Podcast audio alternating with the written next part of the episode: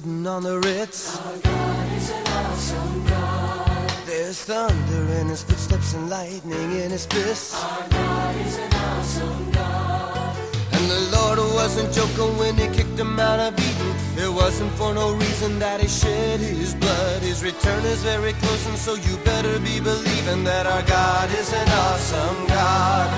Our God.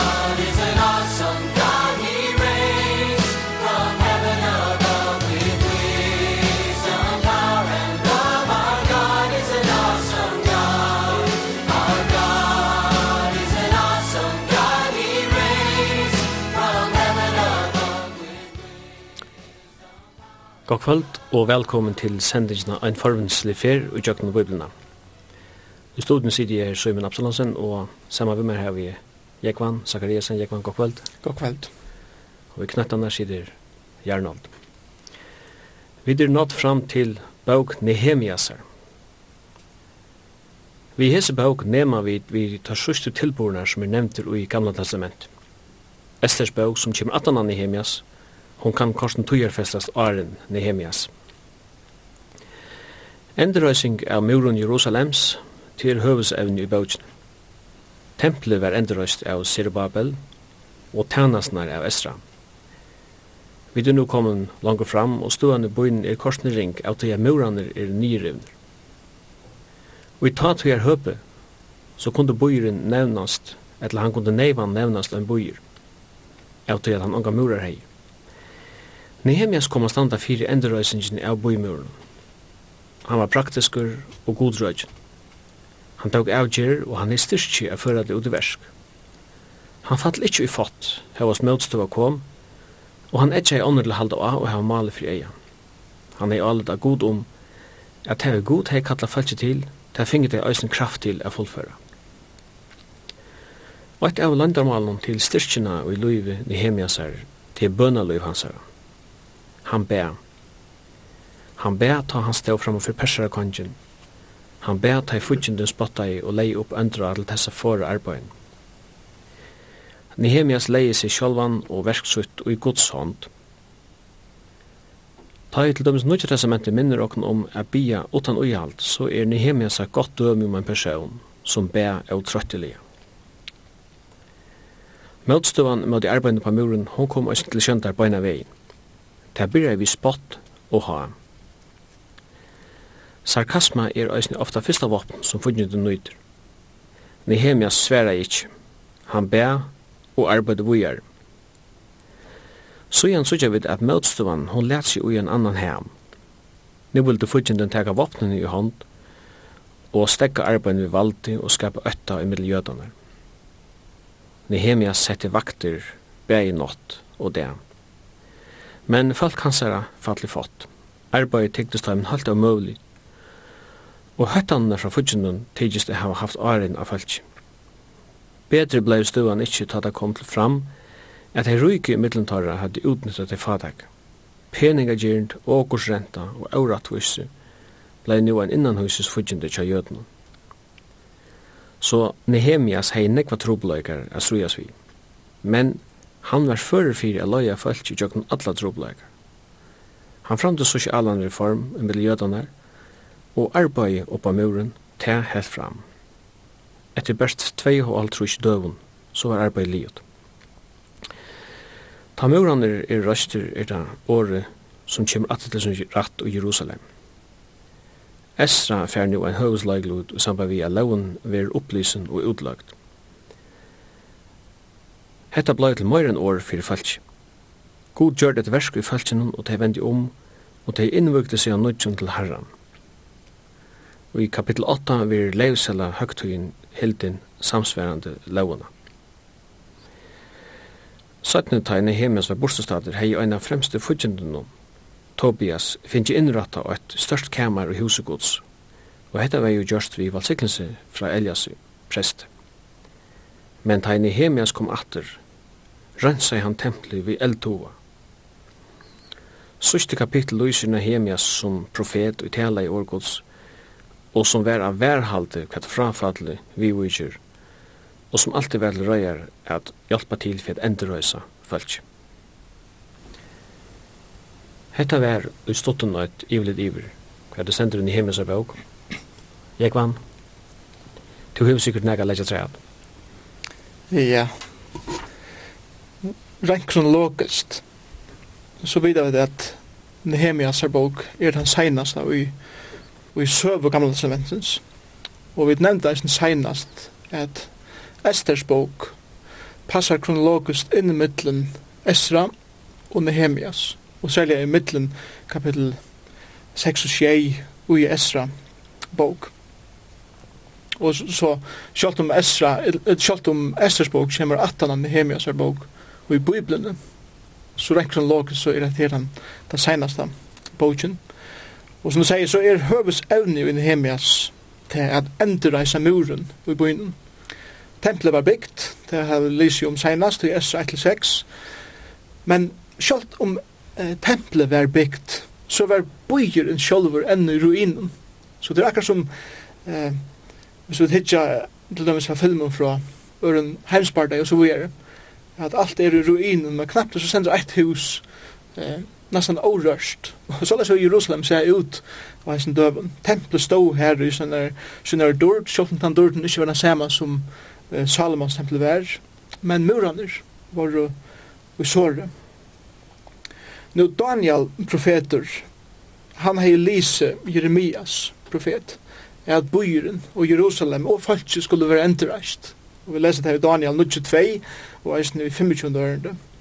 Og han visste at Bå skulle komme fra en konge at endreisa byen. Og dette hendte så av Nehemis er døven, og det var Artaxerxes, som vi leser eh, om i Nehemis er bok. Han gav Nehemias løyve a fære heim til Jerusalem, heim til sitt egna folk, og endreisa murene eh, rundt om byen. Vanlig at jeg leser eh, Nehemis er bok, så, så bøyde han opp i trutja parstar. bare for å gjøre det nok så einfalt. Um, første iverskriften kallir jeg fyrir hendingar åren muren vil endurreistur, og det er så fra første kapitlet til andre kapittel, eller vers. Så er det andre iverskrift, hendingarna og i mean muren vil endurreistur, og det er fra øren kapittel 12 vers til satta kapittel 19 vers. Og så tredje og senast pastor er hendingarnar etter at muren var endurreistur og til så fra kjenta til 13. kapittel så at her er stutten til eh, som jeg vil si at sættes ned Vi vet at det er at Bibelen skriver i returskrivet på henne går skriver 1500 år ja. og man hever alle møvelige eh, personer som skriver og størven er egentlig imisk Matteus var tattler Johannes var fiskemæver, Lukas var lakne, og Salomon var konger. Men da vi kom til Nehemia, så var det sånn en skåndkjæra inn i myndene. Ja. Det er en, en kjølsom profesjon her. Hva, hva er det mest til å være skåndkjæra? Vi vet at det er tøy brøyder åra bruk, og det er et døven på at det er her. En skåndkjæra ta er ikke samme som en skantjare i det. En skantjare var ikke ein og kvør i rujnum, særlig er ikke en skantjare i kongenum. Kongeren leie simpelthen sitt liv i hendene av skantjaren. Tog jeg vidt at jeg, at han døvun så var nek gjørst fyrir gjer enda av kongenum, haksa myndelaga rujusins. Og mæteren og det som han drakk var ofta gifta. Og det var oppgavan av skantjaren at smakka maten og at smakka det som konger skulle drekka. Hvis det var gifta, så døg han åren, kongeren. Men, så, men dette var et av haksta og det mest krevjande starve som vær ta av døven eh, og som var givna en person. Jeg har lyst janksan er at starve av en skantjare var det samme som å være en prime minister. Eller, altså, neste med under kongen så Nehemias var en politiker i eisne. Han var en maver som var i, i, i politiskum valde i landene. Så hatte det, hatte det som en skantjar verilig merker. Vi vet at han levde jo i Persia eller utleggt, og han var en egentlig god rød maver. Ja. Og han liv et, man kan si, rymelig sorglest liv. Og søkte som god, sin god som som jødar gjør det i utleggt. Men um, han spyr så etter, han spyr etter hvordan jødene hadde det, eller hvordan stod han var i Jerusalem, og da han fratter hvordan stod han var i Jerusalem, um, ta fikk han en øyla nei og en byre, og en, en øyla sorg, ja. kan man sija. Og hon hever, hon hever øyla sterk, tog ta han stod framfor kongen, ta sa kongren og honom at det var et kvart avfatt. Og jeg har lært meg fortalt at, til jeg har lyst i ångstene, at uh, det kunne være et uttrykk for, altså i kongsens egen, at kanskje han ganske kjeg av oss, han vet jo et. Vi kjennes da framfyr, kanskje vi uh, deprimerer av et eller. Vi er en ferie av tunglende. Og Gustav sier, så sier Nehemias at han kongren spurte han hvor han sa så sorg om ut, da ble han ekkert rett. Ja. Og han, han ber til god Timotheus. Her så ikke vi at uh, bønnen kommer inn. Hva kunne du si om bønene sammen med Nehemias? Et av første som jeg kjenner en leier, en andalja leier, er til at han eller hun eh, er byende folk. Og til her trygg vi er eh, alt la tjane hemi, altså det var det som gjør det han til den mannen han var. Jeg tror at det var bønnen eisen som gjør det til at ta i disse brøvene, og til han sier brøvene her, så, så sier han nok til hinar jødene, mm -hmm. som kom atter ur Jerusalem. Og jeg tror at det var bønnen, eller bønner livet til Nehemia som gjør det, at han heller ikke spurt. Jeg tror at han er bygget for sin falske, bygge for sin lande, og bygge for sin bygget. Og så kjøtt som hans mennene kom i Jerusalem, så fyrir han, og sier vittar her i, i første kapitlet. Jeg spurte ta etter jøden, leivten i heimat som var kommet ur, ur utleggene. Han spurte etter dem, tog han i AH, og det kom ikke om bønene. Og til han høyre etter her, og til tar det ser vi igjen i tre år, i første kapittel, de som etter er at han har utleggene. Og nå er det her i landspersonen, er det i større nei og vann er det Og hette tvei veldig sterske år som er brukt om støven av kjøten. Stor er nei, og det var vannart mittel til folk som de, som de bygger mittel. Ta græte og syrt i flere dier, leser vi. Jeg fasta jeg og jeg be for jeg asjen gods. Og til geisen til det som gjør det Nehemias til en gåan leier var det at han, han var en eimig maver som verlig hei samkjensla vi sinne falskje. Han var eh, vi touch vi god, men han var eisende vi touch vi, vi falskje. Og til han høyre hvordan det heva det, så, så det skår i han i hjertet, og det skar han sånn at han kreat og syrt i flere dier. Og hadde det nekka som etkjen en gala i reisende alltid. At han var samkjensla vi falskje. Susa, eller Susan, stavren som er nevnt her beint, vær sjående lengt bort fra Jerusalem, så tar det kommende en lengre fer, brøver Nehemia seg. Susan var faktisk vetrar resorten tja Artaxerxes kongen, og hun la omlai henne borgen, eh, Susan borgen, la omlai 330 km estan for høvestein, Babylon. Så ta en Nehemias eh, høyre tøyen, så er han så er han nesten um, 2000 kilometer heimanifra, fra Jerusalem. Og lykka er han så sorgabunden om det. Grunnen for å si at her er til at jeg er mest ofte som han sjølven at hvis det er noe som skjer noe som ring som skjer lengt borster så er det har ofta hot att häcka en støv fra det hade så lengt vekk. men dette er virkelig rakt i han eh, innast i hans hjärta och tog han sorgabund Og ein hei ikkje loiv at vera sorgabunden framfor kongen. Og til tog jeg sier her at ta var jeg ekvelige rattur, ta jeg kongren så at han var sorgabunden. Kongren kunne jeg ha gjort ett klips for fingren, og han er mist hødd. Men uh, god var vegin, kongren elskar han, og drottningen, og god er en atlan, vil løyv hans her.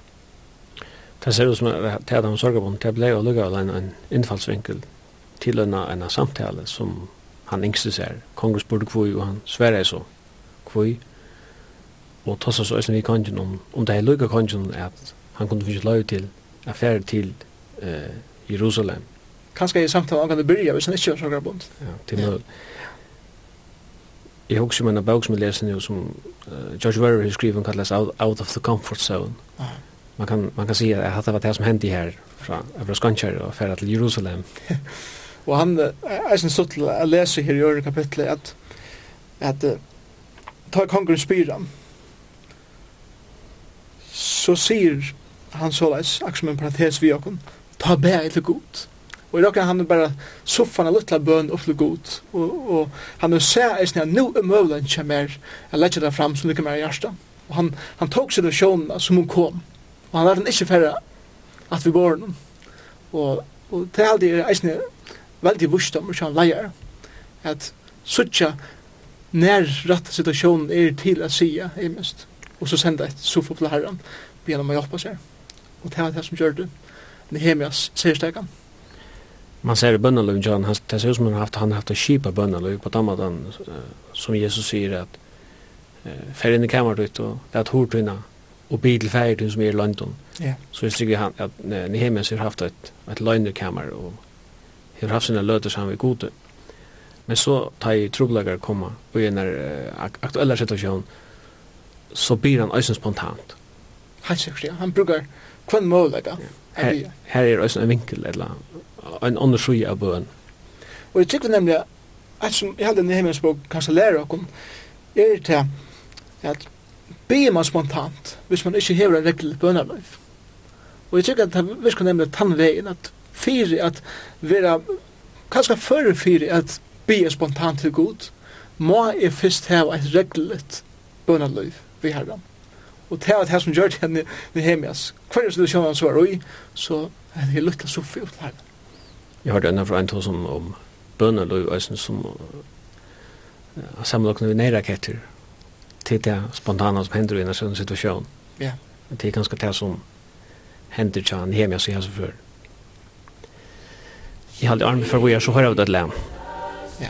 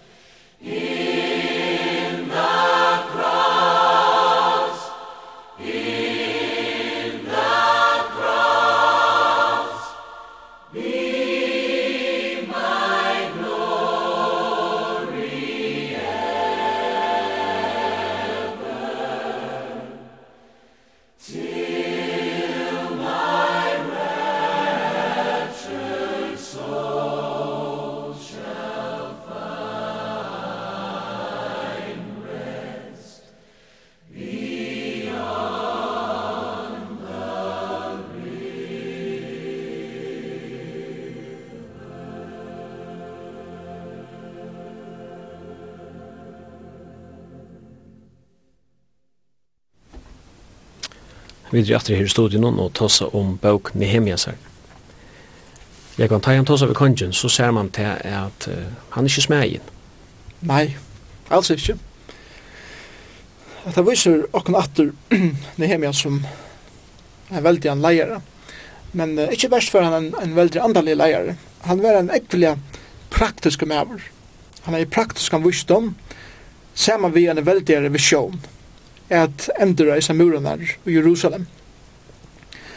Og vi lesa til dømes i øre kapittel kjenta vers. Ta sier vi kong, sier Nehemias, lykar kongen og så. Ta let meg få brøv vi til lands eh, stjøttenar hinne med en ånda, til eufrat ånda. Så det här løyva mer ferdast om landsynne, lykar til å komme til Jota. Så her ber han faktisk om, om man er verje, og om å få løyve affære i jøkken at det er imiske landspartner som hørte til persiska rydtje. Så, så ferien selv til Jerusalem er nå bjerga, og han kommer ikke trobleikar heva uh, av henne. Så man spyr han eisne om, om myndeleikar fra kongen til at, til at gjøre det som man skal gjøre, og eisne at få den fortjellige stolen som skal til. Det leser vi om i øren kapitlet. Så han, han var viser, men han var eisen ekvelig praktiskur, han er praktiskan um, visdom. Det var det som førte alle veien, disse 2000 kilometer til Jerusalem, utan nekna trobleik. Hvis man hikker at kongen som gav hon alt det her, og gav hon løyve til affæra, og han, han miste, kan man sige, som skankjara. Ja. Sikkert en, en tryggvann embedesmann. Helt sikkert. Så halde jeg at, jeg som konger minner meg sin rom kyrus. Ja alltså hjärta. Ja. Det sen god vakt till eh andan i kurus kanske. Akkurat. Så så han var hej en en positiv en hookbor och mödvis jöten. Ja. Ja, jag hade ju sökt det här nu. Vi satt och ända. Då sporde konkret med och så säger ni hemma. Drottningen säger att hon li han säger. Akkurat som man säger att, at hon hon var isen här. Kusel kusel länka tui teker fer tuin. Och när kommer du åter? Spyr konkret henne mann. Og Jeg hadde jeg ser årene si okkom at kongren og drottningen elskar henne hemjas. Og det er gledt til han kom atter. Og det er nesten, ikke være for lunge bort til vi vil heva de her. Det gav en orlov. Det gav en orlov. Men han fyrir seg, han kommer til Jerusalem, og han forteller ikke harsk hva det er. Akkurat. Hva planer han hever, og hva atlan er. At det er annar visdom, og ikke han leier atter. Man skal, man skal vite når man skal ta seg, og man skal vite når man skal tia. Han leip ikkje fram av ut den visjonen som han hei, men uh, han var viser ui hvordan han leip, som du sier. Han leip ikkje inn i byen og sier, nu skal jeg bytja alle murene opp. Men uh, vi leser til dømes ui, ui tølta ørende, eller kassa etlend ørende, ta isu var kommet til Jerusalem, og hei veri her ui trutja dier, leser vi. Ta for opp om nottena, vi nokon favomannen, Men jeg har ikke menneske sagt at Gud bor inn i lagt meg hjertet. Jeg gjør det fire i Jerusalem. Og så sender han, jeg, jeg får om nåttene, og jeg får kanna eh, ruinene, simpelthen. Så han, han var en planlegger. Han var greilet for arbeid til å gjøre det som han skulle gjøre. Og det, det er det er ikke en, en gåan gåan leierreisende. Og så kundgjøren hinnom kan herren lagt, lagt nærmest. Ofta tar seg folk om tøtningen av muren. Tar sjåen haft en strategisk tøtning. Men bøyer åtta murer han var overder. Men eh, det er vel også en, en antall tøtninger Og i hans samband. I halte til er Salma Øynaltrus at David sier i samband vi han, han gjøtta sina sint, Eh, sier han i, i endan av Salman at eh, bygg opp at her bygg upp att det murar Jerusalems herre, sier han. Han kom så til en by som hei nye brottna murar, altså, yeah. Nehemias. Og han er et tempel, byen er et tempel, og han er et tempel til tjenester, men ongar murar, til altså byen la fullkomlig åpen. Og han var kallar til å gjøre et arbeid, og så fyrir han, så fyrir han i gang til et arbeid. Men det første som han må gjøre, det er at uh, få sitt egna folk at trykka på det.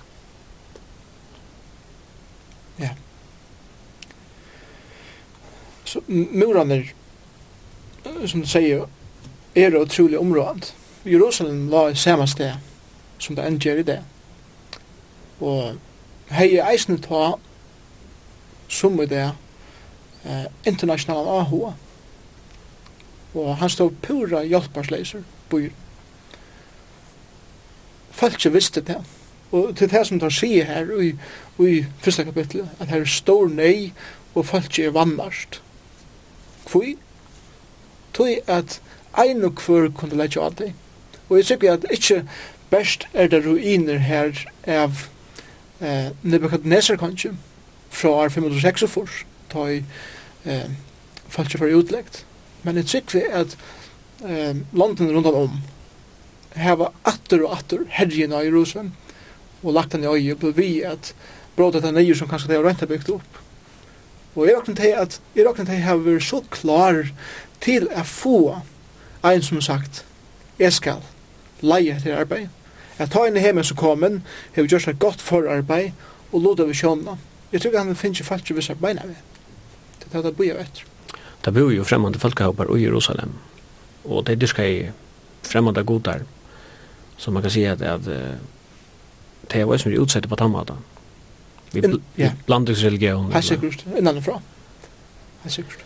Men så får han, så får han under et arbeid, og følte ikke vi, men og i så med løte han begynner på et arbeid, så er det en motstående hun røyser. Da begynner vi hoan spottan. Da begynner ikke vi at det er tilhepp på at det, eller vi, vi noen vet når våpna våpner er motstående, men spott og sarkasma kan man säga. Ja. Yeah. Da minner vi synder om uh, Moses när han får till fara och säger, lär folk mot fara och fara säger, kvöret han god som iskall, loja. Og Moses då han till fara och hon klatte sig södden i en annan hem. Ta i arbeid i Jack fram. Det samma ser ut att hända här. Ja, det, det, det är akkurat det samma som hender her bænt. Ja, ta, ta i futsin og suttja at uh, her hender kan. så, så færa der så, så får jag där och, och, se att det är för att allt klara. Han rever kan hoppa på muren, se där och, och han får skramla sig hemma. Så, så ytterligare byggt sig det. Och han tänker som, så, ja, jag tycker att det är en sarkasma som är brukt för att göra att folk skulle missa måten. Och det har missa mat. Så nu kallar, kallar hatta för en släv mentalare förfylgning eller psykologiska kruksförsel. Ja. Men Ta hade hänt ta bän. Han sände att den såna rakettbön upp. Det här raket ja. Ja. Och så diskuterar han inte vet jag, men han fortsätter och arbetar helt fram. Och det ser ut som att det händer något. Där det kom en halva loj. Ta är det en fallkymmer som är ut. Akkurat. Og Nehemias hem ta en tala till fallkym, alltså när bil har og motivera deg av nudgen. Og, og ikke bare dur han at tåsa, men han dur eisen at organisera. Og, og han, han ger, han er sarkasman, han byrjar på en måte kan man säga, en syndra og skyldat. Men likavel, så blir det alvorligt. Og tar legenden kjalt etter løyven, tar ikke at drepan, og røyna få han komme til et, et avvist sted, ta lesa om i, i sjätte kapitlet, men han visste at de yngste, at jeg gjør enda han. Men han bakka ikke, han leie ikke god, gods kall fra seg, men han motiverer, motiverer folk, han nødgjøn, og han, han ser det så av muren, så at det er noen folk som bytja avholdende, men en annen samt verja, vi vapnen, mot fyrtjenden. Så uh, Lashlan her, men tja Nehemias, viser okken eisen til at han er en organisator, han do vel at organisera. Det heldur det var møte mykje arbeid, og det ser ikke ut til å være bedre, det er bare kanskje arbeidet vi er her i hånden og skal holde våpen i hinner. Men så det arbeidet det.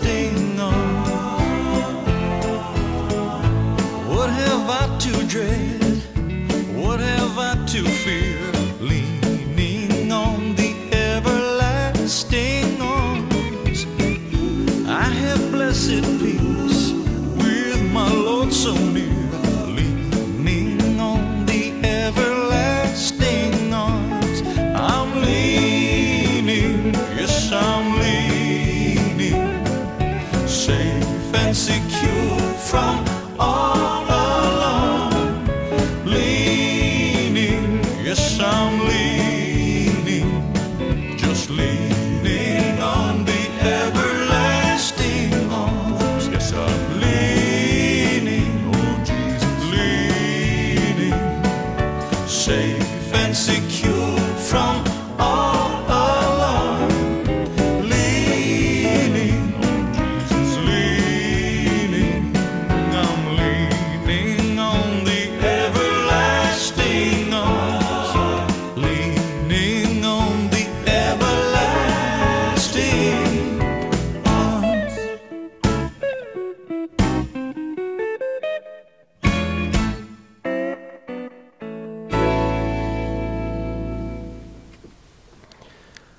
kan vi det inne på at møtstående mot arbeid, hon kom fra nekvun imiskon vinklen. Ja. Og et som vi sykja til var at uh, tar kom enda for til uh, Nehemias, vil de ha henne samråast. Hva er det så vær, eller hva er det så tjekk ut på. Ja. Men han sier bare, han er ikke tog til å samråast. Ja. Som, så, som sier, til jeg visste hva jeg la atan for det. Jeg så samråingene. Det var ikke røyne motiver. Nei, det var det ikke. Og enda for fikk han vite til at uh, nu måste skunda der flutjen i tempelet till till till lejemördare eller kan man ska säga. Ja. Som är på lur. Och visst han är var fallen för till frösten så var hej var färd in i templet så kunde han haft några att akart han fyr. Ja.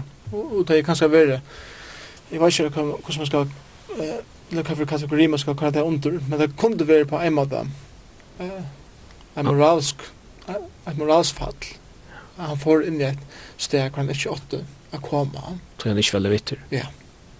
Og så hadde du haft het av Karin Fyr. Men... Heldig ikke her. Heldig ikke her fingre. Han var... Man kunne ikke kjenne fingrene av han. Det er snart kjent. Men så fer han en æra møtstå, tror jeg, så vi er... Det er innanhuses vi ikke, men hans er egna falsk.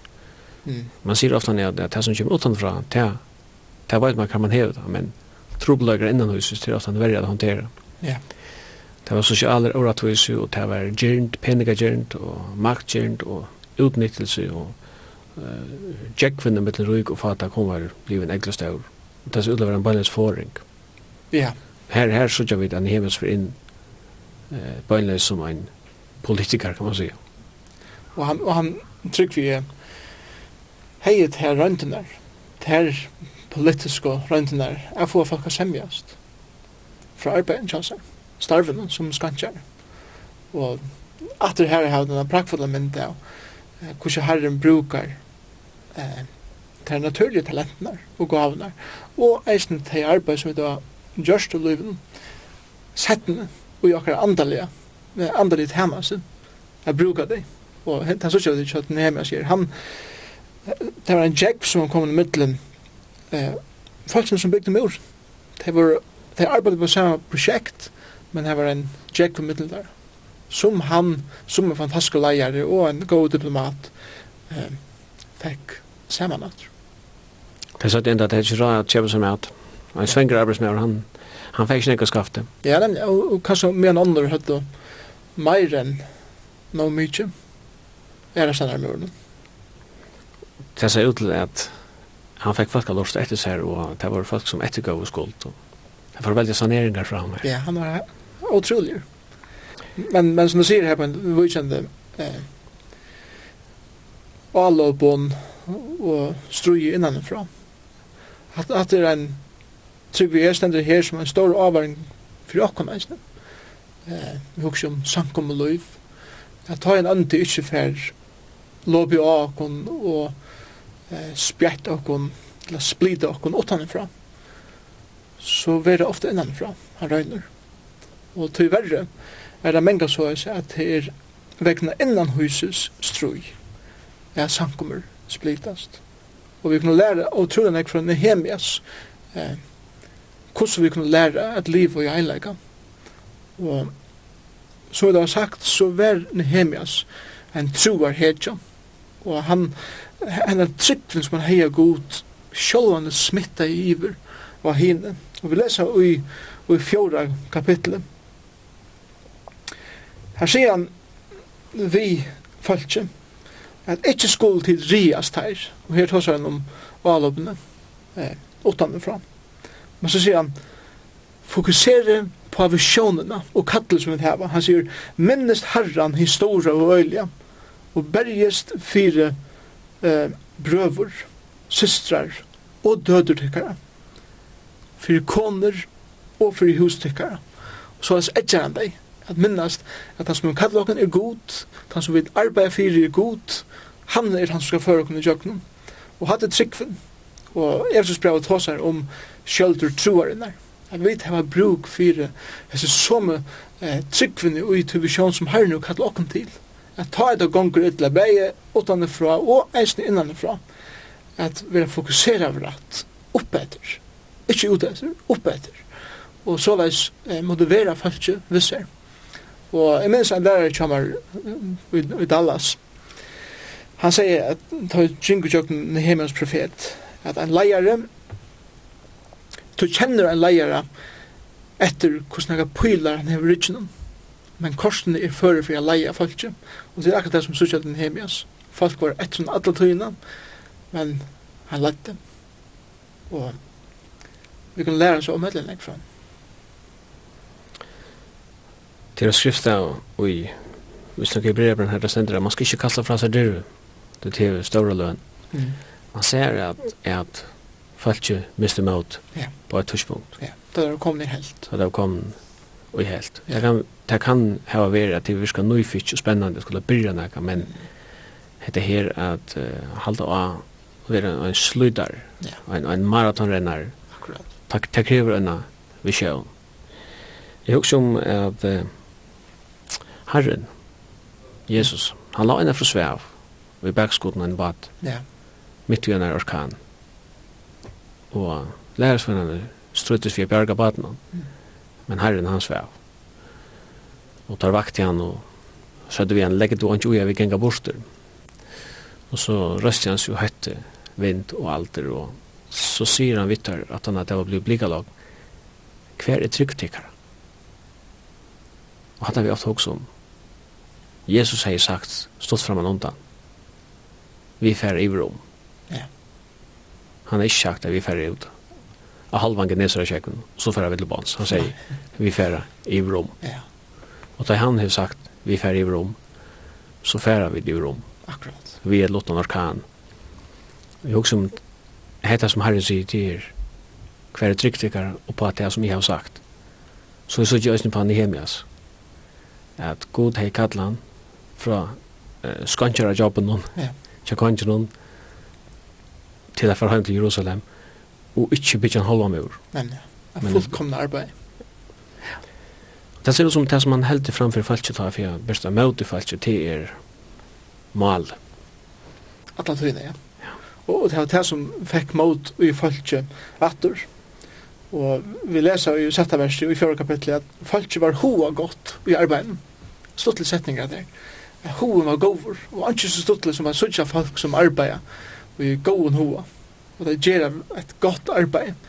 Men spyrir hun sjálf atur uvisjan Nehemia som en, som en leier. Så, så var det så var det han trygg vi er som gjør det at folk ikke var så hoa godt Kvoi, tog jeg at han oppoffrer seg sjálvan. En leier, eller en god leier, sier ongandu, gjer som jeg sier. Ongandu. En god leier sier, gjer som jeg gjer. og det, det gjør det Nehemias. Han var en fire døm, han var en fire mynd, først og fremst. Og ta i folk så leieren, lia, disse steinene, sjálvan, hova går. Så sjálvan er smittet her i våra og, og det var det som Nehemias gjørte. Han, han, han ledde folk og i fire myndene og i til at han arbeidde selv. Gjer som er gjerre. Ta i bøtjen byrjar så ser det ut som det er et møte mykje og størst arbeid for ut og leia murene og man kan også se at det var et arbeid som kom til tid lenge tog, yeah. flere år kanskje. Men det stender er at arbeid var livet etter tvei og halv trus døv. Ja.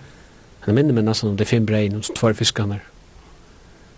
det gjør det, ja. Tvei og trus dyr. Ikke gong tvær måneder. Tek det.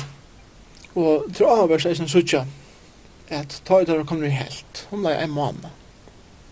Så mye så fælt som alt.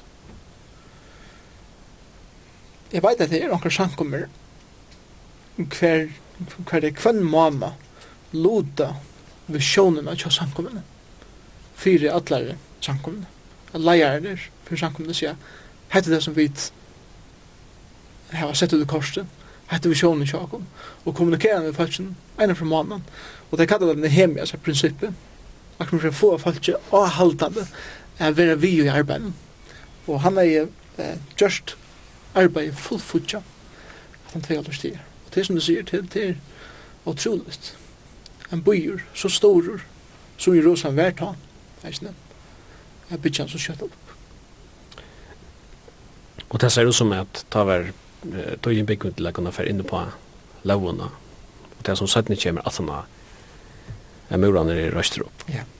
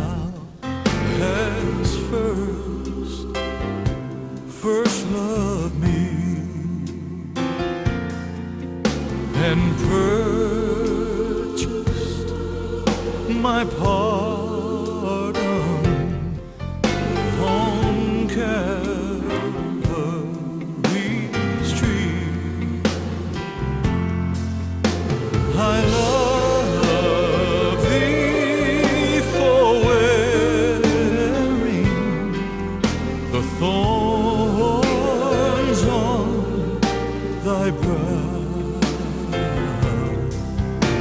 if ever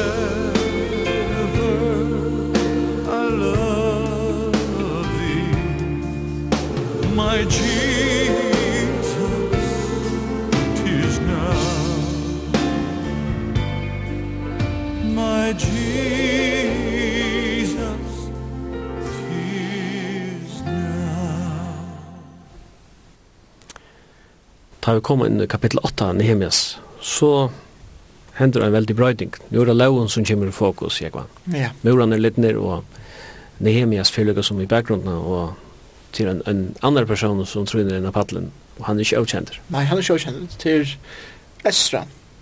Og for jeg så ikke helt av myndene lukkene for sett, så er Nehemias ikke best avhover og i fysisk og velferd folksens men han er eisende og hoa vår og heva hjertamal fyrir andalig velfyr folksins.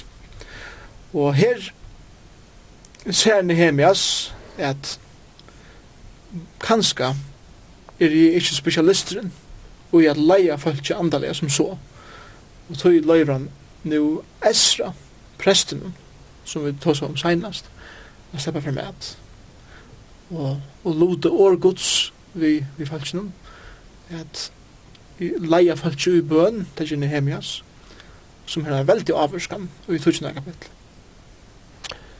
Til lesa loven opp, lesa skriftene opp, og til sette nek i bevegelse i følelsen, jeg husker om følelsen, Jalla. Kjenslen er. Ja, at det er, altså, et avhåverst vers, det er nøkker avhåverst vers her i åttende kapitlet, vi leser her bare at SNU er kommet en myndina, han har sett en talar sjálf upp, som er sindra hakkri han fölkje så fölkje ser han, og nok her vi det har finnje myndina, ja, jeg bygger talar sjálf som vi gjør det i kyrkjen og samkomne det. Så det er men så er det her som er mer områd. Tar lov så skilja i åttende døren, altså at avverst år her, skilja upp ur bogen, ur lovgods, men ikke best det, og utlødde, utlødde henne for fölkjen, så der fæta til å lyse vær. Nå ta ui eh, falske hørte skriftene listner, fink der utlagt der, så får det syrkja. Og det gjør det sørgabunden. Men tar trøyne inn i hjemme, så Esra og hinner, og sier at, at nå er ikke tøy å være sørgabunden, nå er tøy at festa, og glemme sorgen alle, og glemme at her, at, at nu skulle gråta og vena det, feste, og, og Og til det som det er for å gjøre. Og det er en veldig høgtøy som det er nå for å under. Og det er leivsel høgtøy.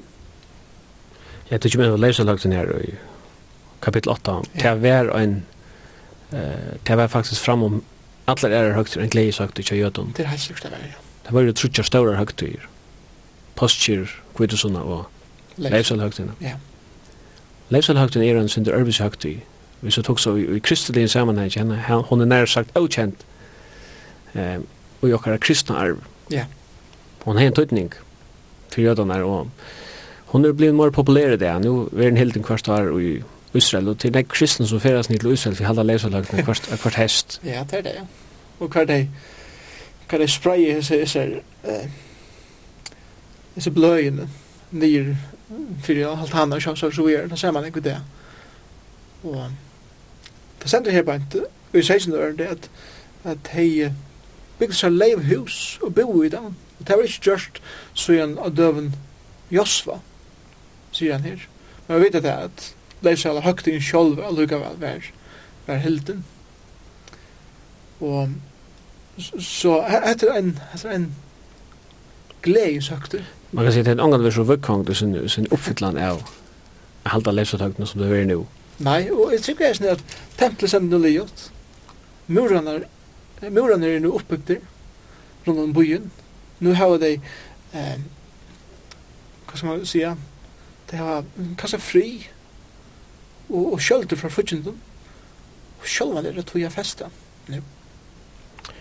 Var en høgtid som og som ble hent til minnes om til at god hei lagt falskje ut av Egyptaland og hei lagt til bo i leivsølen. Ja, akkurat. Men, men det pågår jo sånn fram etter med profeter som nega vi at, at det er en god som innskyr er byggva i middelen sitt søytfald. Mm. Jeg husker om en av leivsølagt i Nødja Testament. Ja. Johannes Arjen kapittel 6. Mm.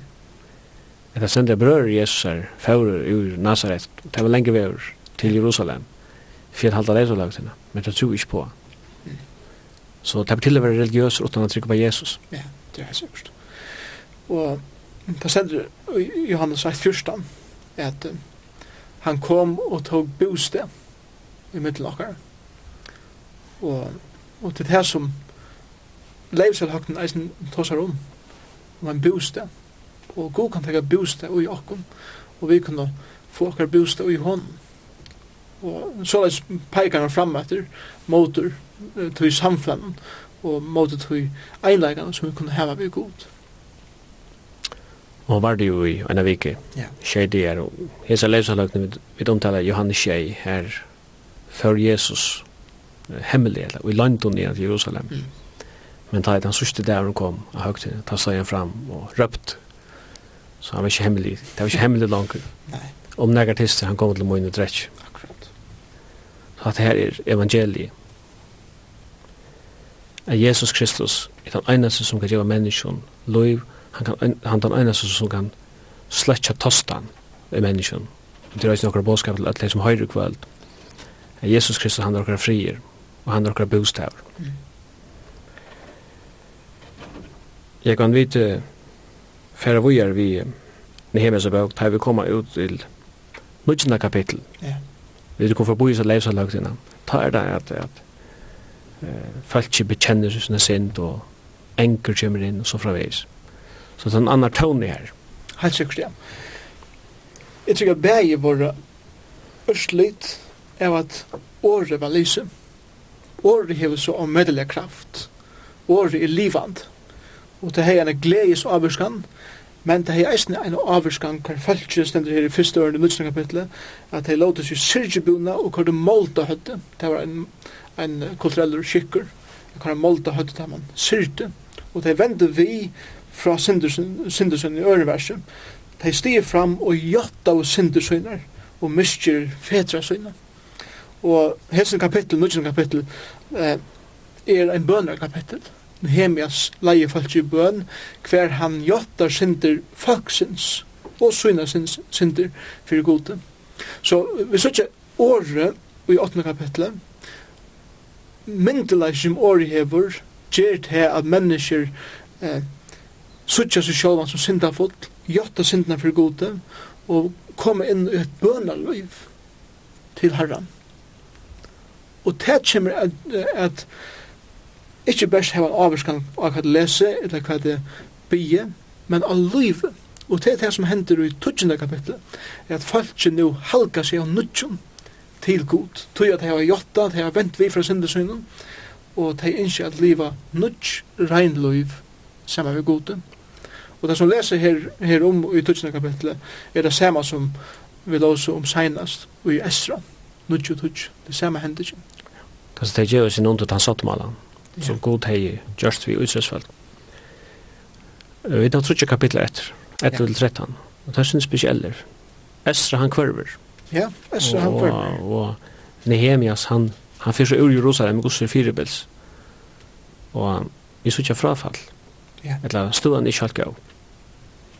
Og i sin senast kapitlen er nek nøvn nevnt, for hva er vi til dæmiska og så videre. Jeg er sikker at kanskje Esra døyr, det vet jeg ikke, men, men kanskje. Og Nehemias fer, og falsk fettler.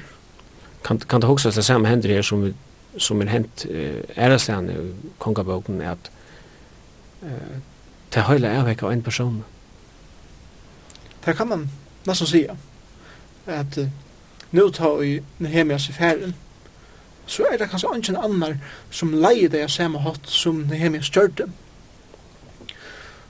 Og det viser seg å være så øyelig ofte at folk har bruk for en leier som leier deg og som fører deg i kjøkkenen altså det skulle, som det skulle i kjøkkenen og men hjemme oss fyrir heim. Vi vet ikke akkurat hvordan lunge han er bortstatter men til han kommer atter så er mynden fullkomlig brøyt de har gift seg atter vi fremmanden tjoen de stjala fra gode vi ikke at offra til, til god som han er oppe på båret og i nekven øren områden. Og vi tar oss om, om Jane, om Nehemia, som den eimjuka mannen som er eh, slik av samkjensle vi folkene. Men som en leier var han eisen av mever som kunne støya fram og virkelig amenna folket og peika dem nå at tid synda, tid livet ikke rett og hette må de gjøre fyrir at kom inn, inn og rette leie at. Og det var han heller ikke bensfri å gjøre. Vi så jo i endan av bøsene at dømekraften til presten, hun var affæren fullkomlig under køyra. Mm. Enda en av den ergaste møtstumann, Tobias, yeah. hei finnes jo løy til å innrette seg av størst kammer i huset gods. Yeah. Og det hei en prester, Eliasib, givet løy til. Mm. Han var ikke mjukra strug at han kom hjem etter Nehemias. Nei. Han rodda jo opp. Vel og vilja. Det ser ut som det er sånn her, Tobias, han hever eh, slaska seg inn i kjøten og finne løyve til at undergrava nega innanifra. Mm. Og det skal en, en, en profetisk visjon til for jeg kjøkken sko av sløyve ting. Og det hegne hemi. Ja, det er ja. Og vi leser det løs, et som han sier her, 25. øren i senere kapitlen, ta sett i er heimen og banna i et. Ja, som er et slove og røyt i. og det er sverje om god og sier, tid må ikke djeva sonen døden tekkara, ei heldur teka eh, sonen tekkara, eller ting sjoven døder, tæra lokaner. Så, så ekstremer væra, og det er eisen sin avvarska. Hesen tøymen tjokken, han er vi at geng undan tjokken, men jeg har en spurning at at jeg kan. Eh, vi pleier å sia Jesus, Kristus, han sutja vid alla sen i Bibeln. Hver sutja vid Herran, vid Nehemias bok. Ja. Och vad heter du annars å säga til senast om bokerna? Ok. Ja, Kristus er å finne hver, hver jeg blæser i, i skriften, eller mynder av Kristus. Og jeg sikker at Nehemias er en veldig mynd av Kristus, som leier følge. Og han er en som teker seg av følgen, bare fysisk, og kjenslelig, og andalett. Og det gjør Jesus Kristus eisene. Han teker seg av oss fysisk, stor ikke for hva til å drekke og eta, og hva til å ha iverhøtte. Så ikke finnes det gods, herren sier ikke fyrir tøy. Han sier ikke fyrir okkur kjenslige, styrir unge fyrir, men alle öllum þessum det ikke kommer fram for god, så skal frir gods fylla sinne, eller gjørste og sinne tykkara, som er okkar kjenslige liv og okkar eh, mentala liv, så vel som andalega liv. Kristus hefur lova, sier ikke fyrir öllum tøy.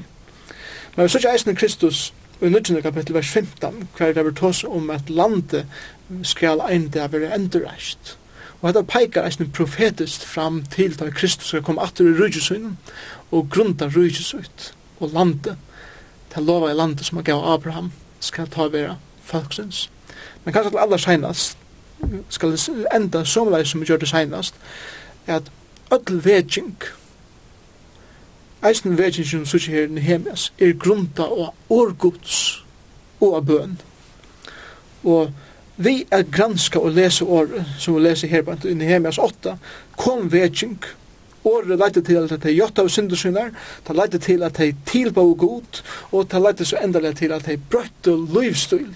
Og det er det som året gjør og i mine liv og i livet til hverjon som gjør ikke undermyndelig årsens, At vi bier vi jotta syndinar, og vi brøyda løyve om akkurat løyv i ferja lei.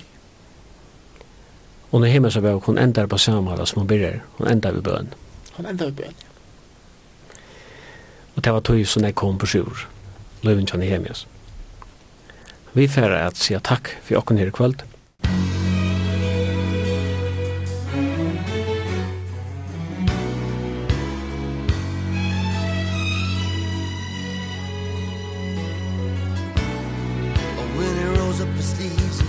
putting on the Ritz. Our God is an awesome God There's thunder in his footsteps and lightning in his fist. Our God is an awesome God And the Lord wasn't joking when he kicked him out of Eden It wasn't for no reason that he shed his blood. His return is very close and so you better be believing That our God is an awesome God. Our God.